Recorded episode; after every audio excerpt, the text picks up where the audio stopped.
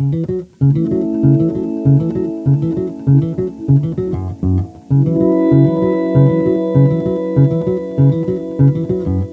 and welcome to IT Conversations, a series of interviews, recordings, and transcripts on the hot topics of information technology. I'm your host, Doug Kaye, and in today's special program, I'm pleased to bring you a presentation from the O'Reilly Open Source Convention held in Portland, Oregon, July 26th through 30th, 2004. Thank you. Uh, well, you hope this talk is about you because the title of this talk is Great Hackers.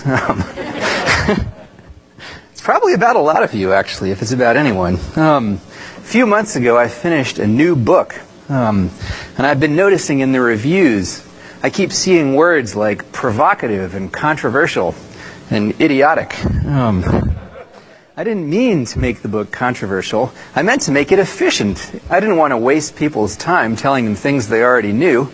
It's more efficient just to give them the diffs. Um, but I suppose that's bound to result in a book people find alarming. Um, there's no controversy about which idea is most controversial. Um, no, it's not the one about French literature professors. Uh, leading that is the one about uh, the idea that variation in wealth might not be as bad a problem as we think. I didn't say in the book that variation in wealth was in itself a good thing. I said in some cases it might be a sign of good things. A throbbing headache is not a good thing, but it can be a sign of a good thing. For example, that you're recovering consciousness after being hit on the head. You know, variation in wealth can be a sign of variation in productivity in a society of one, they're identical. Um, and that is certainly a good thing because if your society doesn't have any variation in productivity, it's probably not because everyone is Thomas Edison. It's probably because there are no Thomas Edisons. In a low tech society, you don't see that much variation in productivity. If you have a tribe of nomads gathering sticks to make a fire, how much more productive is the best stick gatherer going to be than the worst? Factor of two? Whereas when you hand people a complex tool like a computer, the variation in what different people can do with it is enormous. Well, this is not a new idea. Fred Brooks wrote about this in 1974, and the study he quoted was done in 1968. But I don't think he emphasized the point enough. He wrote about productivity in lines of code. The best programmers can solve a problem in a tenth the time. But what if the problem isn't given? Imagination is hard to measure, but in practice it dominates the kind of productivity that's measured in lines of code. Productivity varies in any field, um, but there are a few, as you probably found in your own experience, where it varies as much as in programming. I don't think this is intrinsic to programming, though.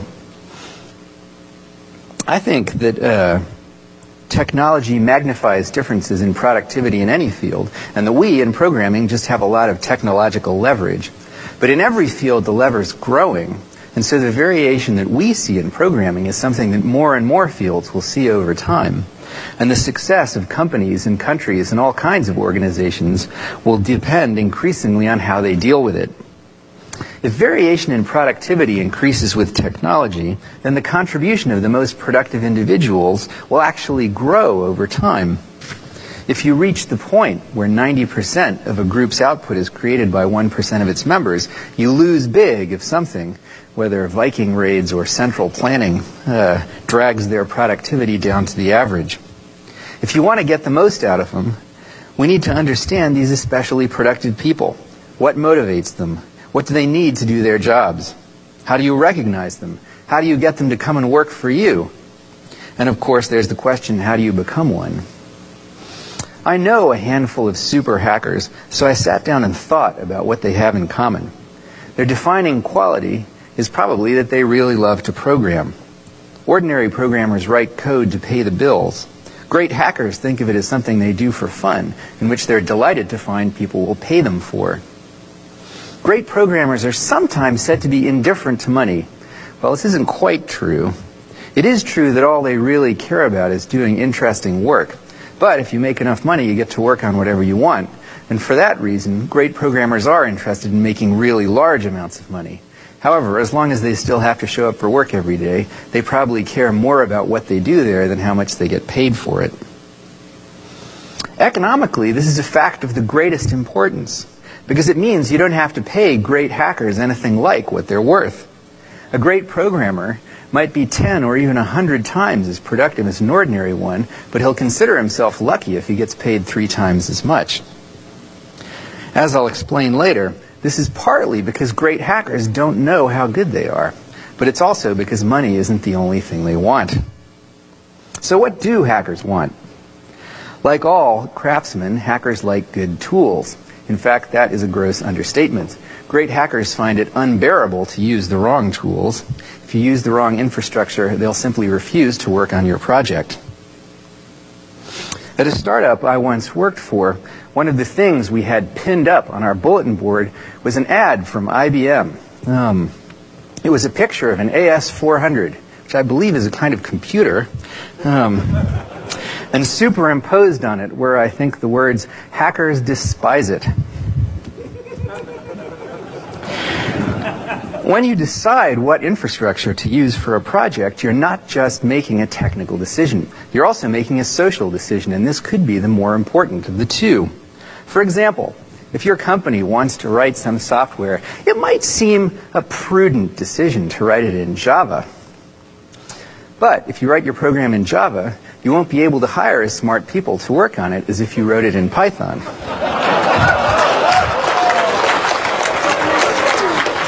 And the quality of your hackers probably matters more to the success of your project than the language you choose. Though, frankly, the fact that good hackers prefer Python to Java should tell you something about the relative merits of those languages. I mean, who wants to use a language where all the books look like detergent boxes? Business types prefer the most popular languages because they view languages as standards. They don't want to bet the company on Betamax. The thing about languages, though, is they're not just standards. If you want to move bits over a network, by all means use TCP/IP. But a language isn't just a format. Programming languages are mediums of expression. I've read that Java has just overtaken COBOL as the most popular language. As a medium of expression, you couldn't wish, sorry, as a standard, you couldn't wish for more. But as a medium of expression, you could want a lot more. Um, of all the great programmers I know, I can only think of one who would voluntarily program in Java. Of all the great programmers I know who don't work for Sun on Java, I know of zero. great hackers also generally insist on working on open source software not just because it's better, but because it gives them more control. Good hackers insist on control, and this is part of what makes them good hackers. When something's going wrong, they need to fix it. You want them to feel this way about software they're writing for you. You shouldn't be surprised when they feel the same way about the operating system it's running on. A couple years ago, a venture capitalist friend of mine told me about a new startup he was involved with. It sounded promising, but the next time I talked to him, he told me that they decided to build it on Windows NT, and they had hired an eminent Windows NT developer as their chief technical officer. And I thought, these guys are doomed. For one thing, for this guy to become an eminent uh, Windows NT developer, he would have had to use Windows NT voluntarily multiple times, and I couldn't see a great hacker doing that. Um, two, even if he was good, they'd have a hard time hiring anyone good to work for them if the project had to be built on NT. In fact, they did turn out to be doomed. They shut down a few months later. After software, the most important tool to a hacker is his office. To big companies, the function of an office is to express your rank. But hackers use their offices as more than that. Hackers use their offices as a place to think in. And if you're a technology company, their thoughts are your product. So making hackers work in a noisy, distracting environment is like having a paint factory where the air is full of dust and grit. The cartoon strip Dilbert has a lot to say about cubicles, and with good reason. All the hackers I know despise them. The mere prospect of being interrupted is enough to deter hackers from starting on hard projects.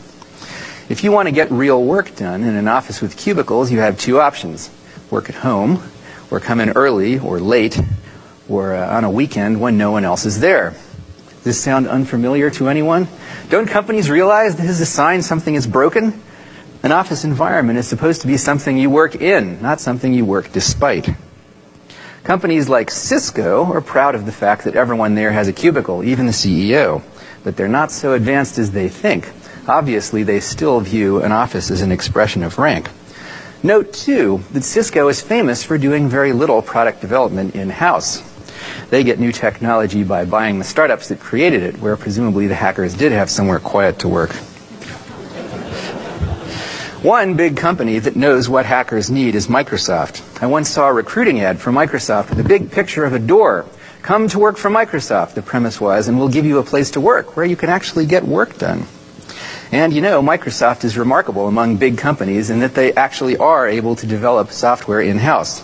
Not well, perhaps, but well enough. If companies want hackers to be productive, they should look at what they do at home. At home, hackers can arrange things themselves so that they can get the most done. And when they work at home, hackers don't work in noisy open spaces. They work in rooms with doors that are closed. They work in cozy, neighborhoody places with people around and somewhere to walk when they need to mull something over, not in glass boxes set in acres of parking lots. They have a sofa they can take a nap on when they feel tired instead of sitting in a coma at their desk pretending to work. There's no crew of people with vacuum cleaners that roars through the office every day during the prime hacking hours. there are no meetings or, God forbid, corporate retreats or team building exercises. And when you look at what they're doing on that computer, you'll find it reinforces what I said earlier about tools.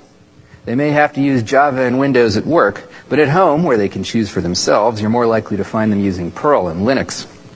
Indeed, these statistics about COBOL or Java being the most popular language can be misleading.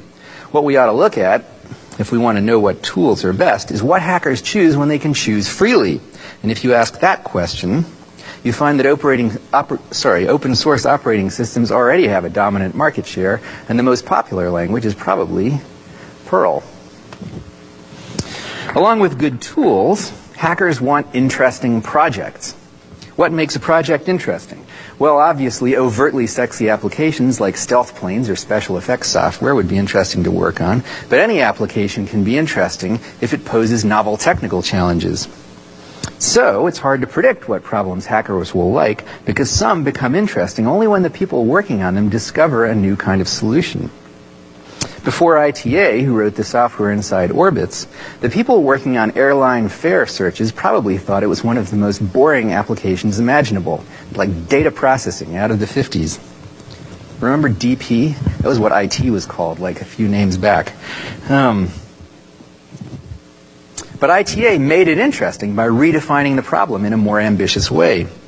I think something similar happened at Google. When Google was founded, the conventional wisdom among the so-called portals was that search was boring and unimportant.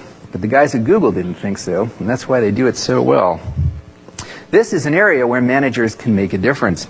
Like a parent saying to a child, I bet you can't clean up your whole room in 10 minutes. A good manager can sometimes redefine a problem as a more interesting one. Steve Jobs seems to be particularly good at this, in part simply by having high standards. There were a lot of small, inexpensive computers before the Mac. He redefined the problem as make one that's beautiful. And that probably drove the developers harder than any carrot or stick could. They certainly delivered. When the Mac first appeared, how many people remember when the Mac first appeared? My God, that changed my life. Um, when the Mac first appeared, you didn't even have to turn it on to know it would be good. You could tell from the case. A few weeks ago, I was walking along the street in Cambridge. Something that used to be an economic necessity with me is now a hobby. Um, I was walking along the street in Cambridge, and in someone's trash, I saw what looked like a Mac carrying case. I opened it up, and there was a Mac SE. So I took it home and plugged it in, and it booted. and there was the Finder, and the smiley, the smiley Macintosh face in the Finder. You know, it was so simple. It was just like Google. Hackers like to work for people with high standards, but it's not enough just to be exacting. You have to insist on the right things, which usually means you have to be a hacker yourself. I've seen occasional articles about how to manage programmers. Really, there should be two articles. One about what to do if you are yourself a programmer, and one about what to do if you're not. and the latter could probably be condensed into four words. But I'll give you the two word version. Give up. Um, Just in case there are any kids in the audience. Um, the problem is not so much the day to day management. Really good hackers are practically self managing. The problem is, if you're not a hacker, you can't tell who the good hackers are. A similar problem explains why American cars are so ugly. I call it the design paradox. You might think that you could have beautiful products just by hiring great designers to design them. The thing is, if you yourself don't have good taste, how are you going to recognize a good designer? By definition, you can't tell from their portfolio and you can't judge from the jobs they've had or the awards they've won either, because in design, as in most fields, these things tend to be driven by fashion and schmoozing with actual ability a distant third. There's no way around it. You can't manage a process intended to produce beautiful things without knowing what beautiful is. American cars are ugly because American car companies are run by people with bad taste. Incidentally, on the way here in a cab, I found I was behind a Pontiac Aztek. The, the only car since the Edsel that had to be canceled because it was so ugly Americans wouldn't buy it. And I thought to myself, wow, look at that. And then I looked down at the bottom and I noticed there was a Bush Cheney bumper sticker.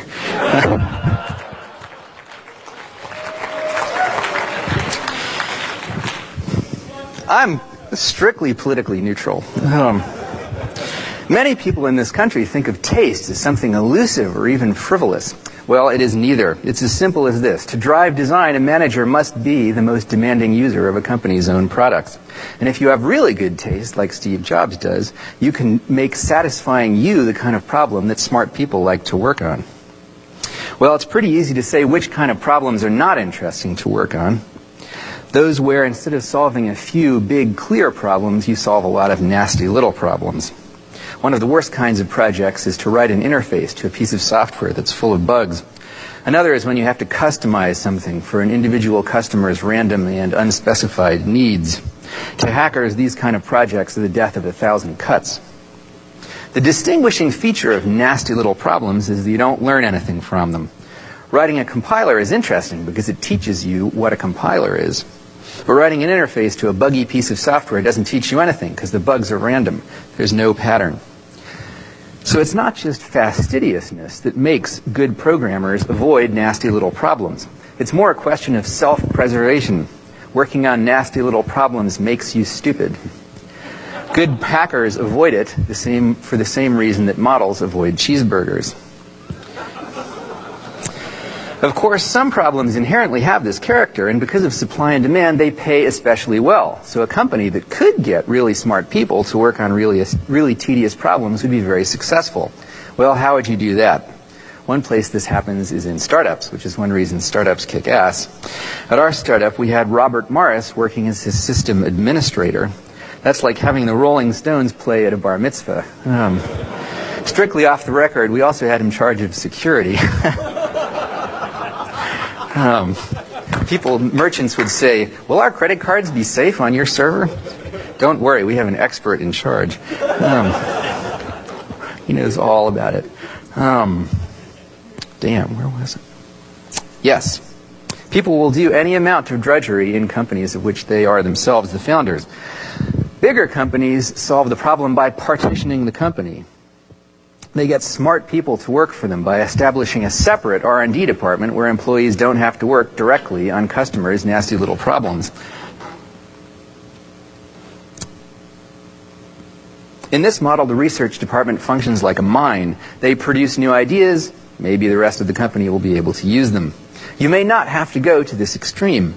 Bottom up programming suggests another way of partitioning the company. Have the smart people work as tool makers. If your company needs to write software to do X, have one group that writes, writes tools for building applications of that type, and then another group that builds the actual applications using them. This way, you might be able to get smart people to write 99% of your software and still protect them from actual users almost as much as they would be in a traditional R&D department.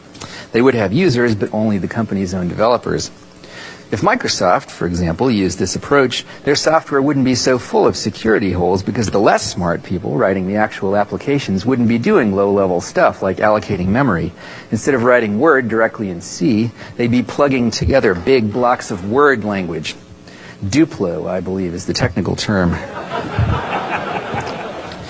Along with interesting problems, what good hackers like is other good hackers. Great hackers tend to clump together um, sometimes spectacularly so, as at Xerox PARC. What this means is that you won't attract good hackers in linear proportion to how good an environment you create for them. The tendency to clump means it's more like the square. So it's winner take all. At any given time, there are only about 10 or 20 places that hackers really want to work. And if you're not one of them, you won't just get fewer hackers, fewer great hackers, you won't get any having great hackers is not in itself enough to make a company successful. It works for Google and ITA, which are two of the hotspots right now, but it didn't help thinking machines or Xerox. Sun had a good run for a while, but their business model is a down elevator. And in, uh, in that situation, even the best hackers won't save you.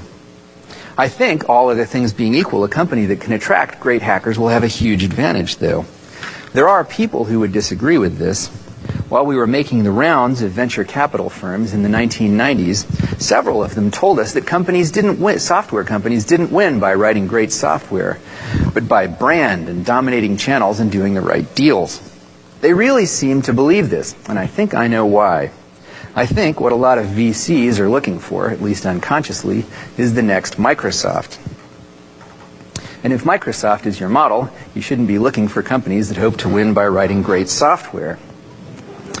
But it gets worse. Um, but VCs are, mis- are mistaken to look for the next Microsoft because no startup can be the next Microsoft unless some other company is prepared to bend over at the right moment and be the next IBM. I meant Microsoft spanked IBM. It's a mistake to use Microsoft as a model because their whole culture derives from that one lucky break. Microsoft is a bad data point.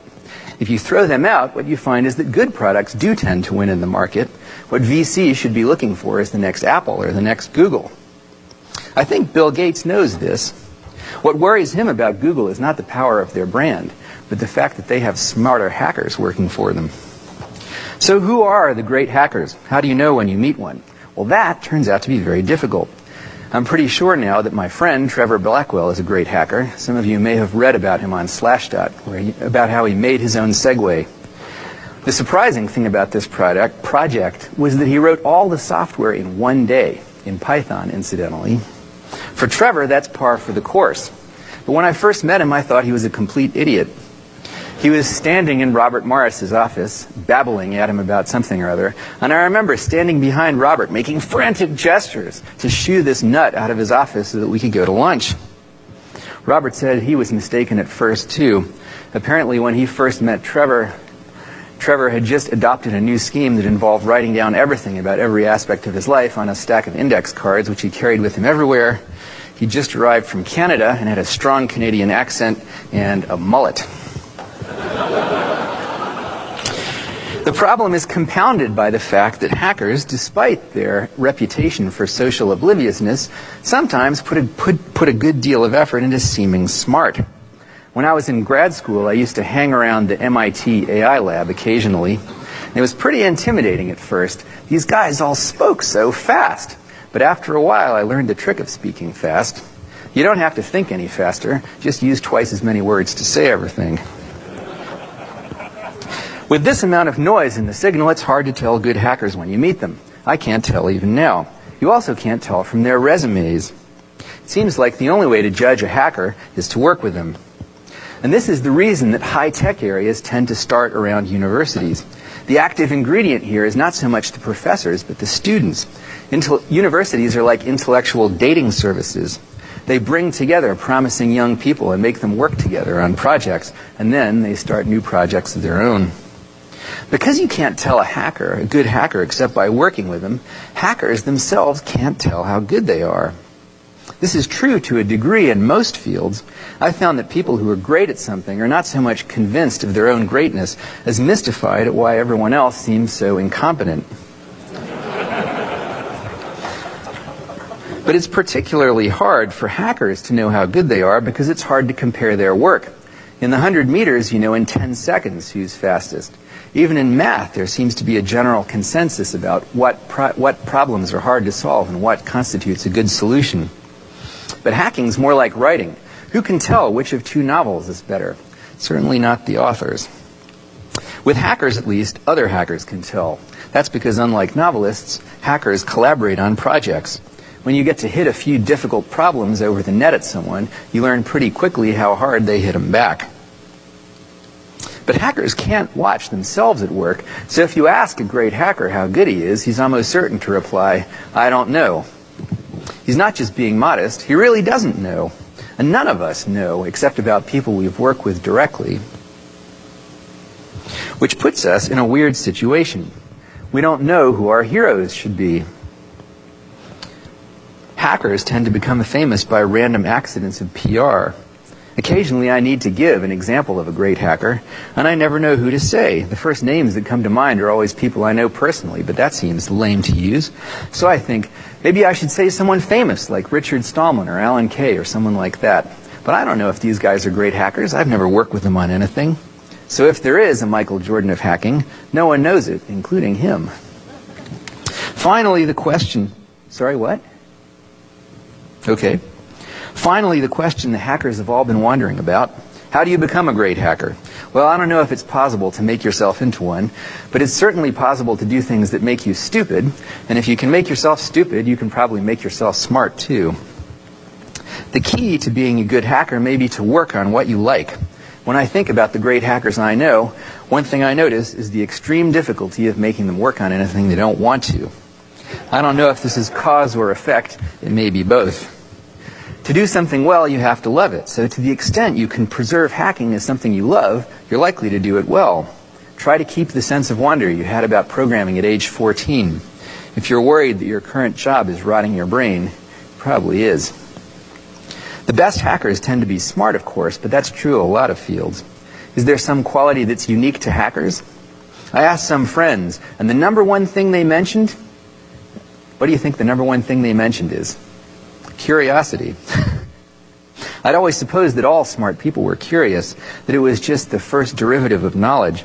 Um, but apparently hackers are particularly curious, especially about how things work.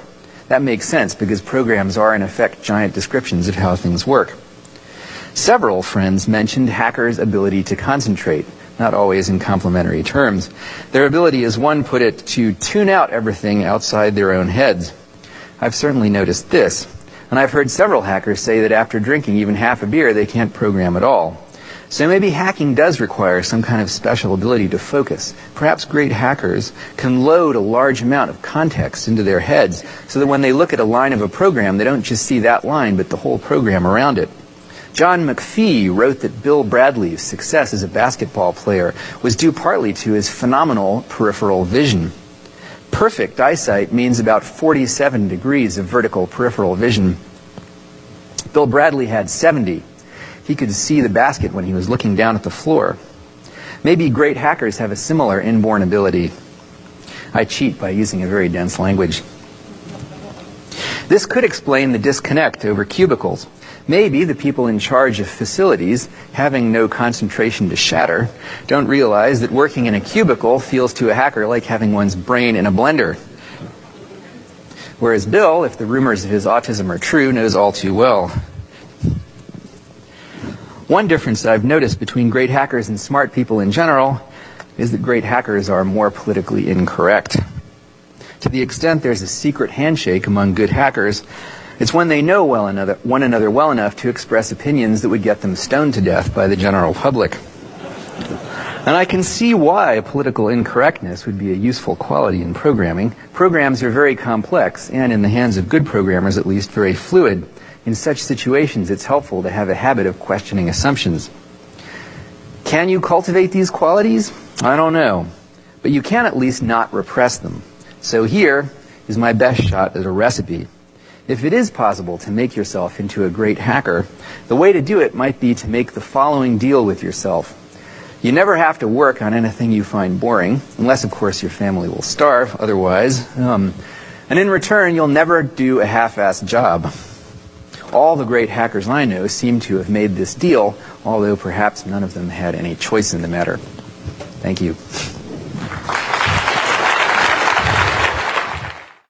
Thank you for listening to this special edition of IT Conversations. This edition was recorded at the O'Reilly Open Source Convention held in Portland, Oregon, July 26th through 30th, 2004. For more information regarding this and future O'Reilly conferences, visit conferences.o'reilly.net. This program is copyright 2004 by the presenter, O'Reilly Media, and RDS Strategies, LLC. My name is Doug Kaye, and I hope you'll join me next time for another edition of IT Conversations.